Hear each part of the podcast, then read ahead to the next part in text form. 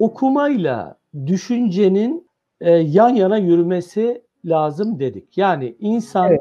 o zaman iki ayrı işi aynı anda yapamaz. Biri diğerine engel olabilir. Fakat Allah insanı öyle bir donanımla yaratmış ki okumayla düşünme aynı anda gerçekleşiyor ve hiçbiri eksilmiyor. Yani e, ikisi de aynı olgunlukta yürüyebilecek bir donanımı var insanın. Tabii kullanabilirse. Sizin elinizde en mükemmel bir cihaz olur da ama siz o cihazı kullanamazsınız. Yani şimdi cep telefonlarımızın bile ne özellikleri var? Bir iki özelliğini kullanıyoruz ve 100 e, tane özelliğini de kullanmıyoruz. Bu arada İsmet Özel de yürüyor işte. Evet. Az önce de sizin söylediğiniz çeviri kitabın kapağını yayınladı arkadaşımız. Evet yani çok harika bu programda bu şekilde anında görüntülerle zenginleştiriyorsunuz. Harika bir şey. Demek ki düşünceyle okuma aynı anda gerçekleşmelidir. Bunu yapmadığımız zaman düşünce kötürüm kalır. Düşünce yürüyemez. Sana ait bir düşüncen yoksa eğer başkalarının düşüncelerini aktararak, başkalarının düşünceleriyle hemhal olarak, başkalarının düşüncelerinde boğularak hiçbir yere varamaz. Okuma o zaman fayda getireceği yerde zarar getirir. Peki ne zaman okuyacağız?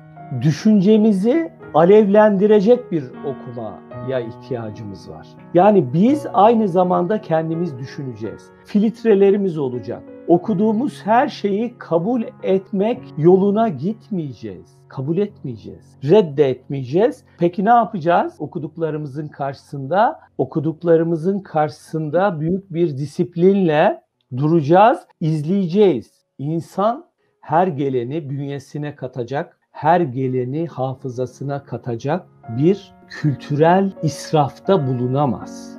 Bu bir israftır. Bir daha söyler misiniz hocam bu cümleyi? İnsan her okuduğunu hafızasına katacak bir israfta bulunamaz. Ancak seçerek hafızasına katabilir. Ancak seçerek bünyesine katabilir.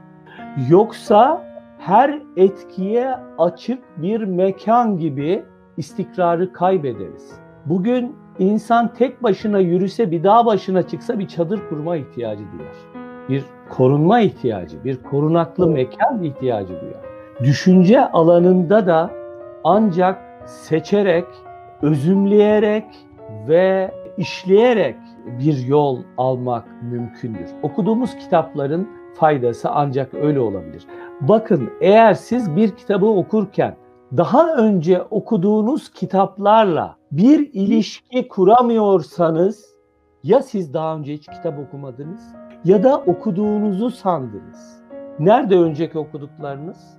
Okuduğunuz yeni kitabın daha önce okuduğunuz kitaplarla ilişkisini kurmak zorundasınız.